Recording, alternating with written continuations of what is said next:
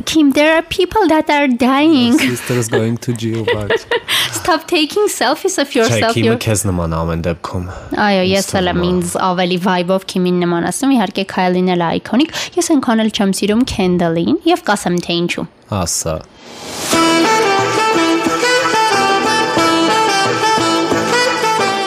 Շատ տակ թեյ Վեգա Անդրեասյանի հետ։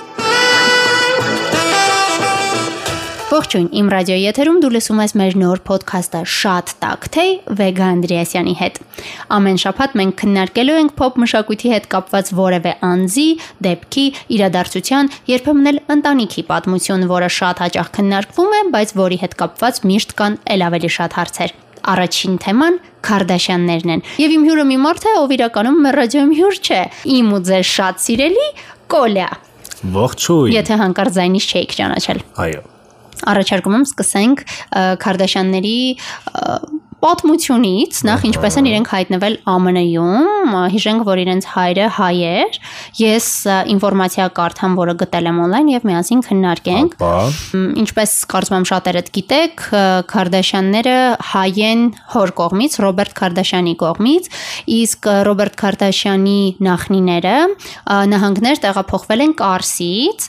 ավելին որոշ շրջան ռուսականացման արդյունքում, այսպես ասած, հայերի եւ հայկական ազգանունների նրանց ազգանունը նույնիսկ փոխվել է Քարդաշով բայց ԱՄՆ տեղափոխվելուց անմիջապես հետո իրենց պապը Թաթոսը, այսինքն Ռոբերտ Քարդաշյանի պապը Թաթոս ազգանվան փոխել է իր ազգանունը եւ Յան վերջավորությունը հետ է բերել Թաթոսը իր անունը փոխել է դարձրել է Թոմաս, Թոմաս Քարդաշյան։ Այնուհետ ծնվել է հենց նահանգներում նրա որդին Արթուրը, որն ունեցել է 3 երեխա՝ Ռոբերտը, քույրը, եղբայրը, բայց մեծ հետաքրքիր այս պատմության մեջ Ռոբերտը։ Իրականում բավական հաջողակ բիզնեսմեններ են եղել, եւ Ռոբերտը սկզբանե, այսպես ասած, ամուր հիմք է ունեցել իր կարիերան սկսելու հարցում, կամ նորմալ կրթություն է ստացել Կալիֆոռնիայի համալսարան եւ այլն եւ այլն, եւ Ռոբերտից արդեն ծնվել են մերոնք։ իսկ Ռոբերտը մասնագիտությամբ փաստաբան Այո, էր։ փաստաբան էր, այո։ Հենց իրականում հենց ինձ ասում ես Ռոբերտ Քարդաշյան միանգամից գալիս է O.J. Simpson-ի գործը Այո։ մենակ այդ, որովհետև երբ սկսում էր ը, Քարդաշյանների մասին, ու առաջի սեզոնից եթերաշրջանից սկսած,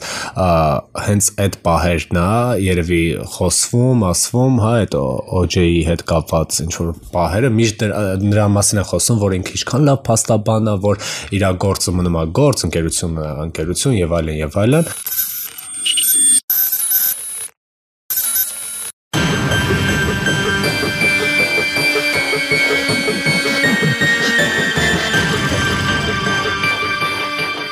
1994 թվականի հունիսի 12-ի գիշերը Լոս Անջելեսում հայտնաբերվեցին ամերիկյան ֆուտբոլի նախկին աստղ O.J. Սիմփսոնի նախկին կնոջ Նիկոլ Բրաուն Սիմփսոնի ու վերջինիս ընկերոջ Ռոնալդ Գոլդմանի դանակահարված մարմինները։ Կասկածանքը միանգամից ընկավ O.J. Սիմփսոնի վրա ու սկսվեց Ամերիկայի պատմության ամենալուսաբանված ու հանրության կողմից ամենամեծ ուշադրությանն արժանացած դատավարություններից մեկը։ O.J. Սիմփսոնի պաշտպանությանն անցան միանգամից մի քանի փաստաբան, այդ թվում նրա ընկերներից մեկը՝ Ռոբերտ Քարդաշյանը։ Փաստաբանների ձեռնարկած անհնարին քայլերը, որոնց արդյունքում ի վերջո արդարացվեց շատերի համար մինչ օրս մեղավոր համարվող O.J. Սիմփսոնը, զարմացրեցին միլիոնավոր ամերիկացիների ու պաշտպանող թիմը ստացավ Dream Team անվանումը։ Dream Team-ի անդամ Ռոբերտ Քարդաշյանի ու նրա ընտանիքի անդամների վրա միանգամից սևեռվեց հսկայական ուշադրություն։ Քարդաշյան ազգանունը առաջին անգամ հայտնվեց ամերիկյան մեդիայում, սակայն այդ ժամանակ իհարկե ոչ ոք չէր պատկերացնում, որ քրեական այս պատմության հետ կապված ազգանունը տարիներ անց դառնալու է փոփ մշակույթի ամենակննարկված ու հայտնի ազգանուններից մեկը։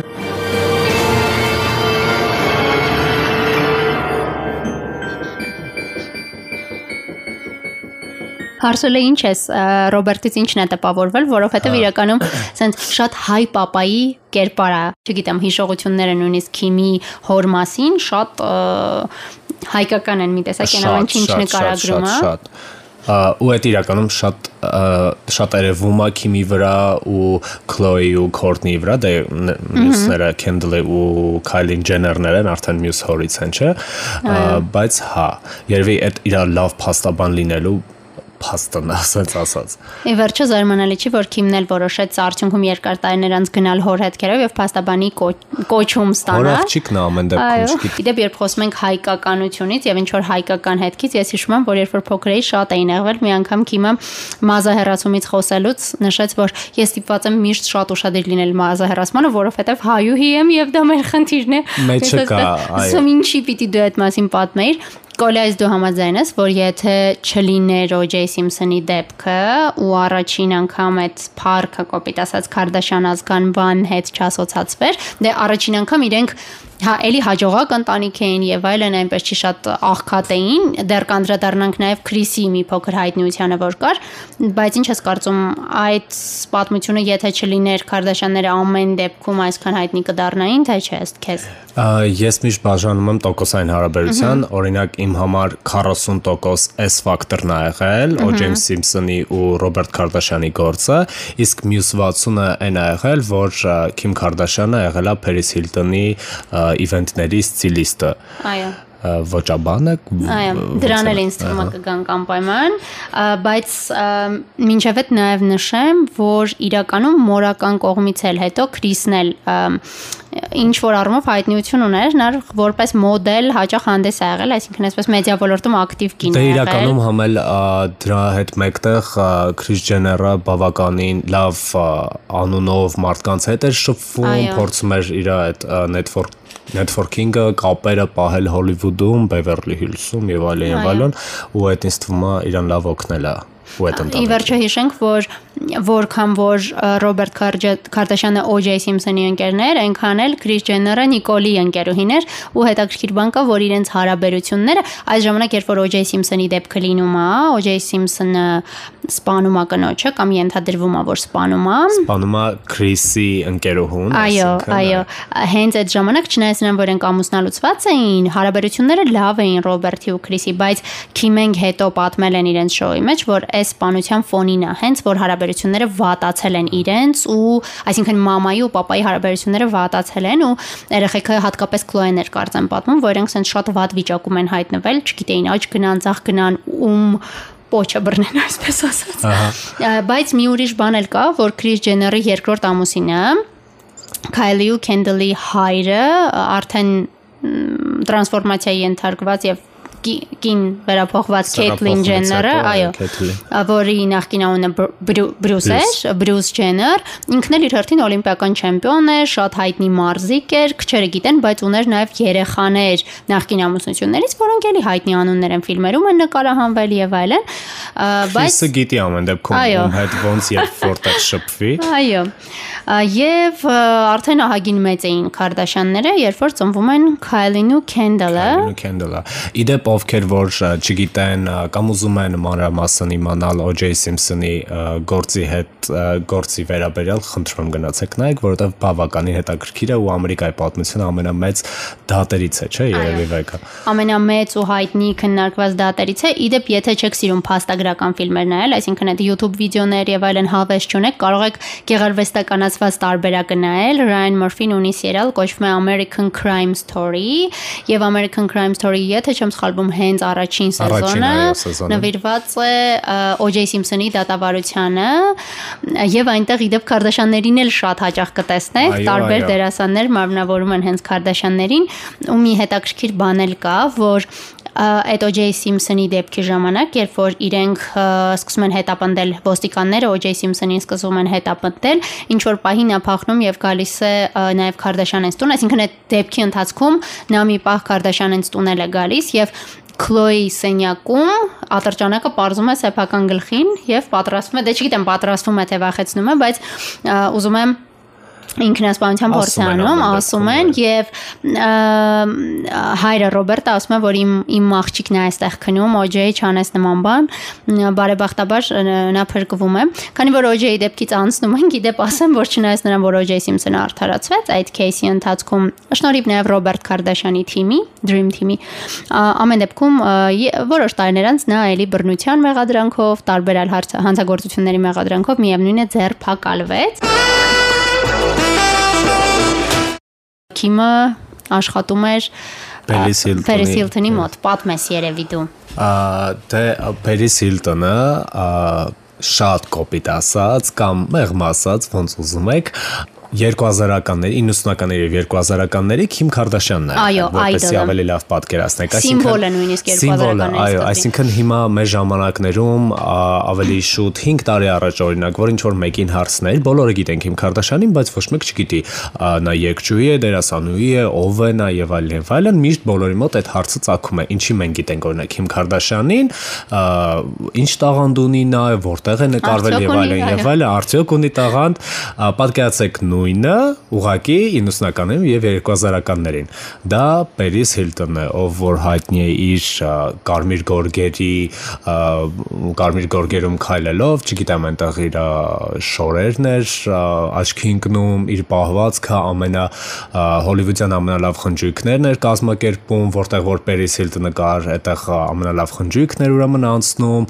պապարացին ամենաշատ երևի ինձ թվում է վիդեոները պապարացիների հետ կապված կգտնեք Paris Hilton տնի վերաբերել, որովհետև ինքը միշտ pop icon ձիվա է եղել ու էլի մարդիկ չէին հասկանում ինքը որտեղից ոնց երբ ինչի է ինքը հայտնի։ Ինքը ուղակի հայտնի է, որովհետև ինքը Paris Hilton-ն է։ Այո այսպեսի մի կերպար էր, բայց այդ կերպարի կողքը կար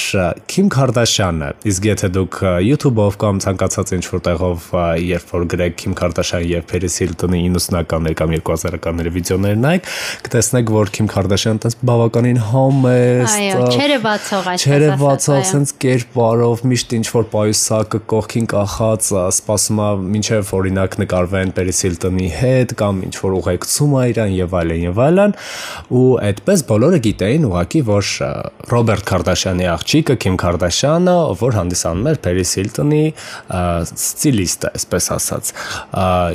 ամեն ինչ լավ էր գնում, ամեն ինչ շատ սովորական էր քիմի համար, երբ մի օր գալիս է եւ համացանցում է հայտնվում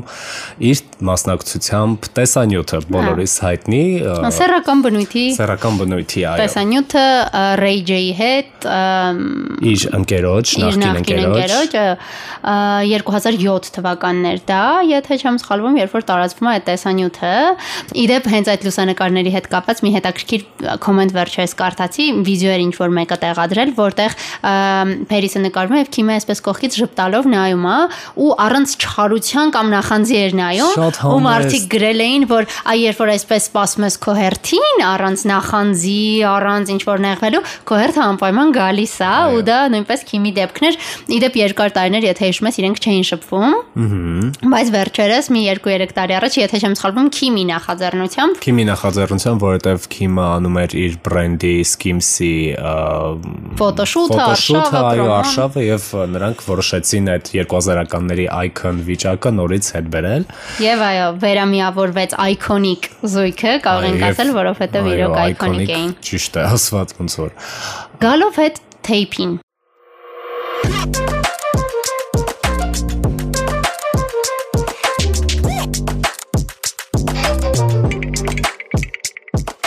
2002 թվականին, երբ Քիմի անունը դեռ հայտնի չէր ու նա վաստակում էր ավելի ճակերտներում ասած հասարակ մասնագիտություններով ու աշխատանքով, օրինակ ոճաբան։ Նա հարաբերությունների մեջ էր Ray J Norwood-ի հետ, ում հետ էլ իր 23-ամյակը նշելիս Կիմը համաձայնում է նկարահանել մեղմ ասած շատ անձնական բնույթի, այսինքն անկողնային հոլովակ։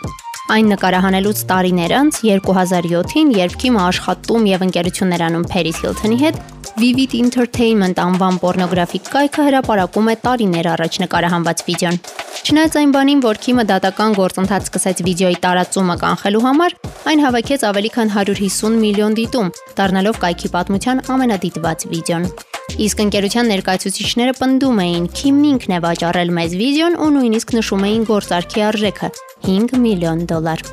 Քիմն ու իր ներկայացուցիչները այս փաստը հերքում են մինչ օրս, իսկ Ասխը, ինչպես ինքն է պատմել ռեալիթի շոուների մեկի ընթացքում, միշտ ապրում է վախով, որ մի օր այս տեսանյութը կգտնեն իր երեխաները։ Մենք բոլորս գիտենք, որ խոսակցություններ կան այն մասին, ավելին մարդկության մեծամասնությունը կարծում է, որ այդ տեսանյութի տարածվելը չի եղել պատահականություն, այլ որ դա արել է Քիմ Քարդաշյանի մայրը, Քրիս Ջեները աղջկա հայտնիությունն ապահովելու համար։ Ինչ ես կարծում, դա հնարավոր է։ Իմ սեփական ուսումնասիրությամբ դա պատահականություն էր, ավելի շուտ ոչ թե պատահականություն, այլ ուղղակի Jane, հա, ուղղակի վերցել եւ փոստերը, որովհետեւ եթե հետ գնանք նայենք այդ ժամանակներում համացանցը նոր էր, այս տիրույթը նոր էր, մարդիկ տենց շատ լավ չգիտեին օգտվելու ձևերը եւ այլն եւ այլն, եւ այդ ժամանակ տարածված էր ահա որ այդ ամեն ինչը այսինքն այն ժամանակ այդ sex tape-էր կոչվածը շատ էին ման գալիս օրինակ ես գիտեմ ինչ որ մի հայտնի աստղի եւ ինձ հետաքրքրում է արդյոք այս հայտնի աստղը ունի մերկ վիդեոներ տեսան չգիտեմ այնտեղ ֆոտոներ կարելի լինի եւ այլն եւ այլն ու բոլորի մոտ տարածված էր այդ համացանցում տեղադրելը բավականին Այո, այն ժամանակ տարածված էր ամեն դեպքում անկախ նրանից դա դիտավորյալ էր թե ոչ, դա քիմի հայտնության, օրինակ, չգիտեմ, տեղադրել է համացանց, հետո չի կարողացել ջնջել կամ շատ արագ տարածվել։ Ամեն դեպքում սա ել ավելի կաթիլներ ավելացրեց Քիմի հայտնիությանը եւ Քիմը ել ավելի շատ սկսեց հայտնվել ուշադրության կենտրոնում, բայց մի հետաքրքիր բան կա, որ Քիմը պատահական չի դարձել հայտնի։ Քիմը չի ཐակցնում, որ ինքն իր ամբողջ կյանքում եղել է, ունեցել է ցանկություն դառնալու հայտնի, ինքը իմացել է, որ ինքը ծնված է հայտնի դառնալու համար, ավելին կա մի տեսանյութ արդեն Քարդաշյաններից հենց, որտեղ Քայլին ասում է, ես կարծում եմ սրա համար չեմ ստեղծված, այսինքն ինձ այնքան էլ դուր չի գալիս այս ուշադրությունը, տեսախցիկները, Քորտնին ասում է, միանշանակ ես էլ դրա համար չեմ ստեղծված, իսկ հիմա ասում ես ես ծնված եմ հենց սրա համար։ Օ, իդեպ նմանատիպ մի վիդեո էլ ունի ավակ դպրոցի ժամանակներից Քիմ Քարդաշյանը, երբ որ ասում է, ես չգիտեմ դուք որտեղից մի օր կլսեք իմ անունը, ես Քիմ Քարդաշյանն եմ, ասես շատ Այո, եւ շատ գեղեցիկ է այնտեղ բոլոր այն մարդկանց համար, ովքեր ասում են, որ Քիմ Քարդաշյանի գեղեցկությունը դա պարզապես վիրահատություններ են, պարզապես փնտրեք Քիմ Քարդաշյանը 90-ականներին եւ նայեք նրան պատանի տարիքում նա ուղղակի գեղեցկուհի է ինքն էլ, Քորտնին էլ ուղղակի գեղեցկուհիներ են Քիմի հայտնիության ճանապարհից խոսեցին, կարծում եմ ժամանակն է անդրադառնալու նաև ընտանիքի մյուս անդամներին։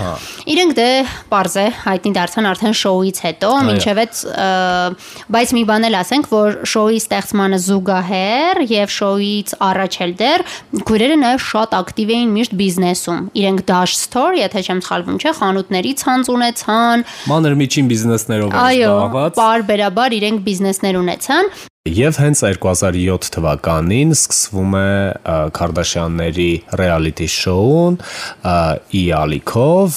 ամերիկյան ալիքով եւ այստեղ արդեն սկսում է ցույց տալ իրենց առօրյան, այստեղ արդեն Kris Jenner-ը իր երկրորդ ամուսնու հետ էր եւ ցույց են տալիս իրենց Beverly Hills-ի Beverly Hills-ի տունը,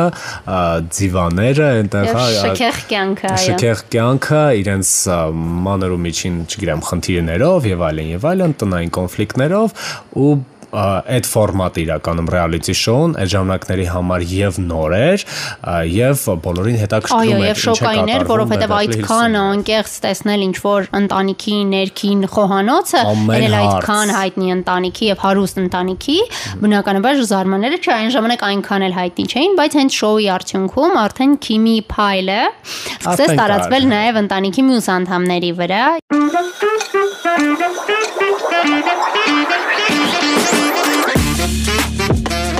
2007-ից հեռարձակվող Keeping Up with the Kardashians reality show-ն իրական սենսացիա է ժանրի սիրահարների համար։ Ընտանիք, որը ցույց էր տալիս ամեն ինչ՝ հարաբերություններ, առողջական խնդիրներ, սեր, դավաճանություն, բաժանումներ ու արցունքներ։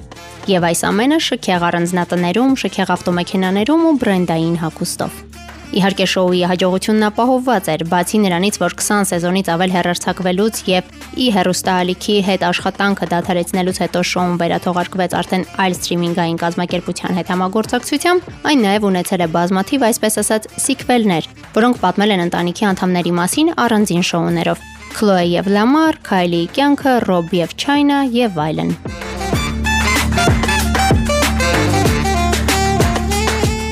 Քայլին ու Քենդելը հենց տեսախցիկների ներքո էլ մեծացան։ Երեխաներ են, փոքր երեխաներ էին, երբ շոնը սկսել, եւ նրանք մեծացան, կարծում եմ այստեղ կարող ենք հերթով արդեն թվարկել երեխաներին եւ ասել ով ինչով է զբաղվում, արի այսպես հերթով իրար փոխարինելով սկսենք։ Այո։ Սկսենք ամենամեծից, Քորտնից։ Քորտնին Քիմի մեծ քույրն է, ով չի տարբերում։ Այո, իմ ամենանմանը Քիմին, իդեպ իմ սիրելի սիթկոմներից մեկում The Big Bang Theory, երբ որ Sheldon Cooper-ը գլխավոր հերոսը փորձում է տարբերել Քարդաշյաններին, այսպեսի մի մեխանիզմ ունի, ասում է, եթե նա շատ նման է Քիմին, բայց Քիմը չի, ուրեմն Քորտնին է։ Եթե ընդհանրապես նման չի Քիմին, ուրեմն Քլոեն է։ Քորտնին Քիմին շատ նման է, բայց այո, ավելի մեծ է։ Քորտնին ունի on-line բիզնես կարելի ասել, push է կոչվում, կայք է, որտեղ էլ ինչ որ հակուստ, մակուստ ծախում է, ամուսնացած է։ Առողջ կյանքի հետ կապված post-եր է անում, հիմնականում տարբեր կոլաբներ է անում, տարբեր բաղադրատոմսերով է կիսվում, կյանքի տարբեր ինչ որ մոտիվացիոն Մի տեսակ պարապ է։ Մի տեսակ պարապ է, բայց երբ որ սկսում ես նայել իրենց reality show-ն, հասկանում ես թե ինքը այդ խնդիրը ունի, որ բոլորին ուզում է ապացուցել, որ ինքը պարապ չի, բայց իրականում թե ինչքան է աշխատում դրա վրա, այդ այդ այդ կարելի է։ Այո, դե հա, բնականաբար, հենց մենական ֆոտոշութերը եւ նկարահանումները, որ իրենք ստիպված են մասնակցել, արդեն իսկ բավական է, որ այդ մարդկանց չկոչենք պարապ։ Քորտին ամուսնացած է, երկար տարիներ ամուսնացած եղել reality show-ի մեկ այլ հայտնի հերոսի, իր նախկին ամուսի Scott Disick-ի հետ եւ չնայած նրան, որ Scott-ը reality show-ի ամենասիրված հերոսներից մեկն էր, նրանք վաղուց ամուսնալուծվել են, Քորտին այժմ ամուսնացած է rocker, կարելի ասել Travis Barker-ի հետ եւ սպասում է նրա հետ արդեն իր երեխային, որը Քորտնի թվով 4-րդ երեխան է, կարելի ասել երեխային թվով 4-րդ երեխան։ Այո, 4-րդ երեխան։ Հաջորդը Chloe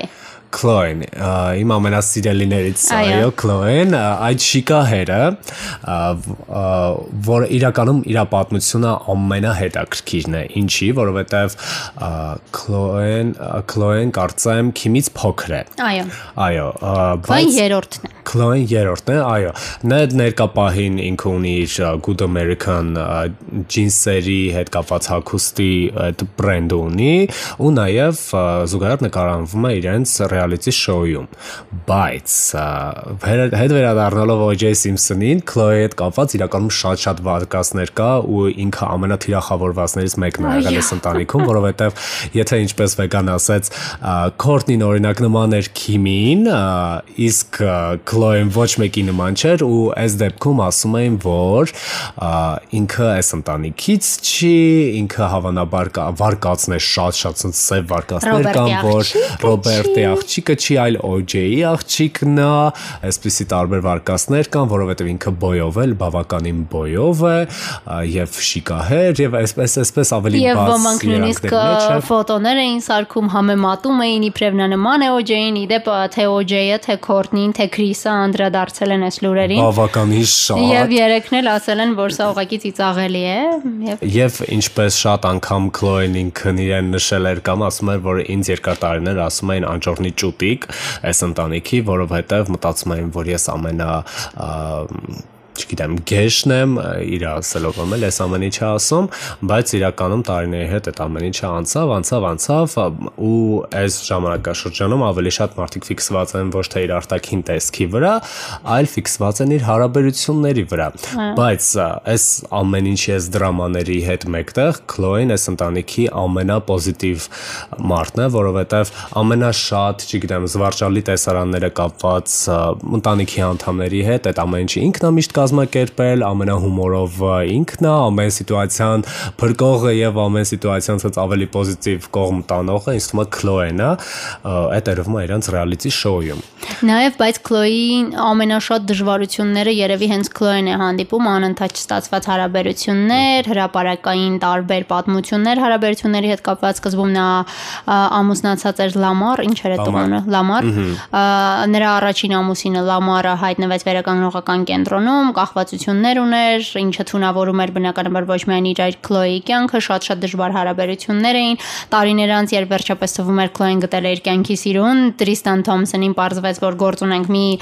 քրոնիկ դավաճանի հետ, որը պարբերաբար, այո, բասկետբոլիստի պարբերաբար աչուձախ դավաճանում էր Քլոին, այդ ամբողջ ընթացքը նկարում էին։ Բացի այն, որ այս ամեն ինչը նկարվում էր ու ինքը պատրաստ էր այս ամեն ինչին ցած public այս ամեն ինչը ասել, երբ որ առաջին անգամ Քլոյի ամուսինը իրեն դավաճանել է, նա ծնդաբերության շրջանում է եղել, այսինքն հենց այդ բան հիվանդանոցում էր, երբ լուրերը պատտվում էին եւ իր առաջնեկին ունենալուց իմացել է, որ նաեւ իր ամուսին իրեն դավաճանել է. Ու իդեպ երկրորդ անգամ եւս։ Այո, ընդ որում այս մի քանի անգամներից մեկը, դավաճանություններից մեկը տեղի ունեցավ հենց Kylie Jenner-ի, Khloe փոքր քրոջ մտերիմ ընկերուհու Jordan Woods-ի հետ։ Դավաճանություն ասելով ինչ որ շատ լուրջ տեղ չէր հասել, parzapes մի փարքի շրջանում, այո, բեբեկից, բայց ամեն դեպքում երբ մտերիմ մարդու մասն է խոսքը, բնականաբար դա նույնպես շատ-շատ լուրջ հարված էր Քլոյի համար, դրանից հետո Ջորդինի հետ հարաբերությունները ընտանիքը դադարեցրեց։ Մի խոսքով,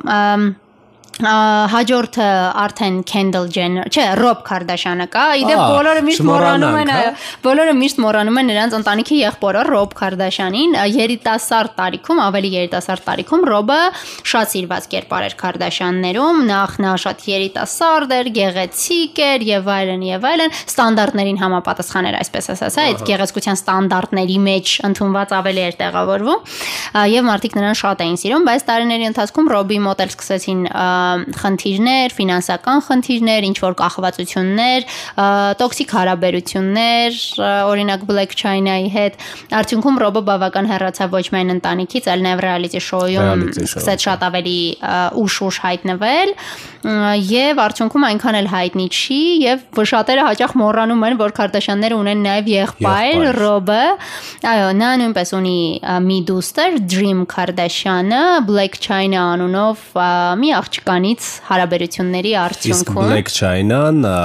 բավականին հայտնի է նրանով որ տարբեր celebrity-ների աստղերի հնության աստղերի հետ է հանդիպել պրոբլեմատիկ է շատ եւ ամենահետաքրքիրն այն է որ Black China-ի առաջին երեխայի հայրն էլ Թայգան, рэպեր Թայգան հարաբերությունների մեջ էր մի քանի տարի Քայլի Ջեների հետ, այսինքն Ռոբերտ Կարդաշյանի Եկավ այդ այդ այդ շատ շատ շատ абսուրդ եւ խառը պատմություններ, այսինքն պատկերացրեք, կար մի երեխա, որի մայրը հարաբերությունների մեջ էր Ռոբերտ Կարդաշյանի հետ, իսկ հայրը հարաբերությունների մեջ էր Ռոբերտ Կարդաշյանի քրոջ Քայլի Ջեների հետ։ Գալով Ջեներներին Այո։ Ես պատմեմ Kendall-ի մասին, դու պատմիր Kylie-ի մասին։ Ես նաև ասեմ, թե ինչու այնքան էլ չեմ սիրում Kendall-ին, ինչպես ամենասկզբից ասացի։ Kendall Jenner-ը աշխարհի ամենաբարձր վարձատրվող մոդելն է ներկա պահին, ոչ ոչ թե մոդելներից մեկը, այլ հենց մոդելը։ Աշխարհի ամենաբարձր վարձատրվող մոդելն է համարվում։ Նա բնականաբար ունեցել է շատ-շատ հնչեղ համագործակցություններ աշխարհի լավագույն դիզայներների հետ, ամենահնչեղ բրենդների հետ, հայտնվել է աշխարհի երևի բոլոր հեղինակավոր ամսագրերի շապիկին մի խոսքով չի քննարկվում, որ մեր օրերի ամենապահանջված մոդելներից մեկն է։ Ինչը ես չեմ սիրում Kendall-ի։ Չնայած այն բանին, որ Kendall-ը միանշանակ առանց կասկածի եւ քննարկման հայտնի է դարձել իր ընտանիքի շնորհիվ, դա չի քննարկվում ինձ համար։ Դա չի քննարկվում փաստերը կան, reality show-ն կա։ Kendall-ը մի տեսակ իրեն միշտ պահում է այնպես, կարծես ինքը շատ ավելի լավն է իր ընտանիքից ու մի տեսակ ամաչում է իր ընտանիքից, այդ reality show-ից։ Ես երբեք չեմ մոռանա, որ երբ առաջին անգամ նա պիտի քայլեր Victoria's Secret-ի fashion show-ի ժամանակ, ինչը բնականաբար յուրաքանչյուր մոդելի համար համարվում է մեծ պատիվ, նրա երազանքները համար եւս։ Այո, իհարկե, եւ ի վերջո հիշենք, որ հենց Keeping Up with the Kardashians-ի մեջ է, որ Kim-ը վարձում է մոդելի համար Kendall-ի համար մոդելային քայլվածքի ուսուցիչ եւ ստիպում է որ նա այդ դասերին մասնակցի։ Իսկ Kendall-ը ամաչել էր եւ արգելել էր իր ընտանիքին գալ այդ շոուն նայելու, որովհետեւ չէր ուզում ասոցացվեր այդ Քարդաշյանների շոուի հետ, ասում էր ուզում եմ ինձ լուրջ վերաբերվեն եւ անընդհատ հերքում է այդ փաստը, որ իրեն օգնել են։ Ես ինքս եմ արել, ամեն ինչ ինքս եմ հասել եւ այլն եւ այլն։ գնացել ես դասերի եւ այլն եւ այլն։ Իհարկե, այո, բայց չի կարելի մոռանալ, թե որտեղից ես գալիս եւ ինչպես էր քո մեծ քույրը քեզ համոզում, որ լուրջ ընդունես այդ դասերը, երբ դու ինքդ չէիր ուզում։ Դա է պատճառը, որ Kendall-ին այդքան էլ չեմ սիրում, նա ինձ համար մի տեսակ Ռուսեն բարկա Զանուդա, այդպիսի կերպար է, շատ ավելի քիչ են իր այկոնիկ արտահայտությունները, օրինակ շոուում։ Նրան շատերը կոչում են pick me girl, հա, աղջիկ, որը այդպես իբր շատ տարբեր է բոլորից, անթաց փորձում է տարբերվել։ Անկամ եթե տեղեկ չեք, իդեպ 20 սեզոն հետո փակվեց Քարդաշյանների շոուն ի ալիքով, հետո հիմա արդեն սթրիմինգ էս սերվիսի հետ համատեղ Hulu-ում բացած The Kardashians reality show-ն ու այստեղ եթե այն ժամանակ մի քիչ ավելի շատ էր երևում Kendall-ը ինչ որ չնայած սեզոն սեզոն ամեն սեզոն հետո ավելի քիչ-քիչ էր երևում այս նոր reality show-ում ինքը ոնց որ ստիպված նստած լինի ինչ որ նեյտրալ տեքստեր ասում, ոչ մի դրամա եւ իրոք ոչ մի դրամա չկա ու ոնց supportive շատ իբր հա էլի ես ամսած մի երկու բառ եկել եմ երկու բառ ասում եմ իդեպ Kendall-ի մասին շատ հաճախ նաեւ երկրպագուներն են բողոքում որի տարբերություն մյուս Kardashian քույրերի Kendall-ի դեպքում սպասարկման ոլորտի որոշ աշխատակիցներ, որոշ երկրպագուներ բազմիցս նշել են, որ նա շատ կոպիտ է Այսինքն հասարակ մահկանացուների նկատմամբ բավական կապ կոպիտ է, բայց Kendall-ին թողնենք եւ անցնենք Kardashian ընտանիքի ամենաերիտասարդ ներկայացուցչին եւ նաեւ ամենաայկոնիկ, կարծում եմ։ Եվ ժամանակին ամենաերիտասարդ միլիարդատ տիրոջը, այո։ Տեսեք, Kylie Jenner-ը ամենափոքրն է այս ընտանիքում ու իր հետ կապված ամեն ինչ հակասական է միշտ լինում, թե արտակնի հետ կապված, թե իր բնավորության եւ մարդկային գծերի։ Դե Քայլին երկու փոքր աղջնակներից մեկն էր այդ ընտանիքում, որը միշտ օրինակ չգիտեմ, եթե Kendall-ի դեպքում արդեն reality show-ի ժամանակ այնտեղ փոքր ժամանակվանից ասում են, «Ոյ դու մոդել ես դառնալու, որտեվ իր հասակնել էր համապատասխան եւ լիքը-լիքը այսպիսի բաներ»։ Քայլիի դեպքում ամեն ինչ sense հարցական էր։ Բոլորը չգիտեն գիտեին Քայլին ուր է գնում, ոնց է գնում եւ այլն եւ այլն։ Նախանձի փոքրիկ նոպաներ էր ունենում բարբերաբար։ Միշտ միշտ կապված Kendall-ի հետ էլ, Քիմի հետ էլ, իդա մինչև երևի ինձ թվում է 19 տարեկան, մինչև 18 տարեկան Քայլին բավական sense պոզիտիվ էր, ավելի հումորային տեսանյութերով էր հայտնի, չգիտեմ, Vine հարթակ այն ժամանակ կար Vine-ում շատ-շատ վիդեոներ էր անում, ու հետո Քայլին ենթարկվում է ասենց մի հատ էրա է գալիս, որը կոչվում է King Kylie էրան։ Հենց այդպես էլ իր Instagram-ի nickname-ն է։ Հիշում ես նա շատ հայտնի էր նաև Tumblr-ում։ Tumblr-ում, հա։ Tumblr-ը իրականում հենց հայտի դարավ նաև Kylie-ի շնորհիվ Instagram-ը, այս Tumblr-ը, Vine-ը, այնտեղ համ հումորային վիդեոներ էր գնում, համ այս իր հենց Kylie-ին բնորոշ sense Beverly Hills luxury aesthetic, sense մազերի նոր գույն, կեդեր, չգիտեմ, կանաչը, ու այս ամեն ինչը սենց լրիվ կայլին ստեղծեց իր էսթետիկան, բայց այդ էսթետիկայի մասին խոսելուց չեն կարող խոսել, որ շատ արագ փոխվեց իր շրթունքների ֆորման որին հաջորդեցին արդեն մյուս բազմաթիվ վիրահատությունները։ Վիրահատությունները աչքերը կլինի եւ այլն եւ այլն։ Շրթունքները ինքը երբեք չի հերքել, ասել է, որ օրինակ չգիտեմ, փոքր ժամանակ ինձ ասել են, որ ես համբուրվելու համար չեմ ստեղծված, բայց այս ժամանակ իր 17, 18 տարեկանում ինքը հանդիպում էր Թայգայի հետ, рэպեր Թայգայի հետ։ Ինչու ոչ մեկ այդ մասին չի խոսում, որ այդ 20-քային տարեկան տղամարդը արդեն ահագին մեծ էր, անչափահաս Քայլի հետ էր հանդիպում։ 30 էր կարծեմ, 29 30 էր։ Այո, այո ոչ մեկ չի խոսում այդ մասին, ինչպես էր Քրիս Ջենները դա թույլ տալիս։ Ու իրանք երկուսով էլ նկարահանվում էին իրենց ռեալիթի շոուում, բայց ամեն դեպքում Թայգան նես չի որ մեծ էր երևում երևում։ Մեծ էր երևում, բայց ես հիշում եմ, որ այդ շրջանում Թայգայի մոտ սկսեցին ֆինանսական խնդիրներ եւ ասում էին, որ Քայլին է փակում Թայգայի որոշ պարտքեր։ Հմ, դե հա, կարա լինի այդ рэպերների կյանքը այդպեսին է։ Ու երբ Քրիս Ջեները մեր բոլորի սիրելի հասկացավ, որ այստեղ շատ են արդեն խոսում երևի հավանաբար Քայլի շրթունքներից, իր տեսքից եւ այլն եւ այլն ու իր էսթետիկայից, Քայլին սկսում է իր բրենդը Քայլի Cosmetic, այո, որը որ make-up բրենդ է, այսինքն այնտեղ սկսվեց ամեն ինչ շրթունքների համար բալզամներից, շրթներքներ էր անում եւ այլն եւ այլն ու դարձավ ամենաերիտասարդ միլիարդատերը Քայլի շրթներկները չէին հասցնում հայտնվել կայքում, վարկյանների ընթացքում sold out էին լինում եւ մինչ օրս էլ Քայլին ունի այդ բրենդը, որը աշխարհում ամենապահանջված բրենդերից է,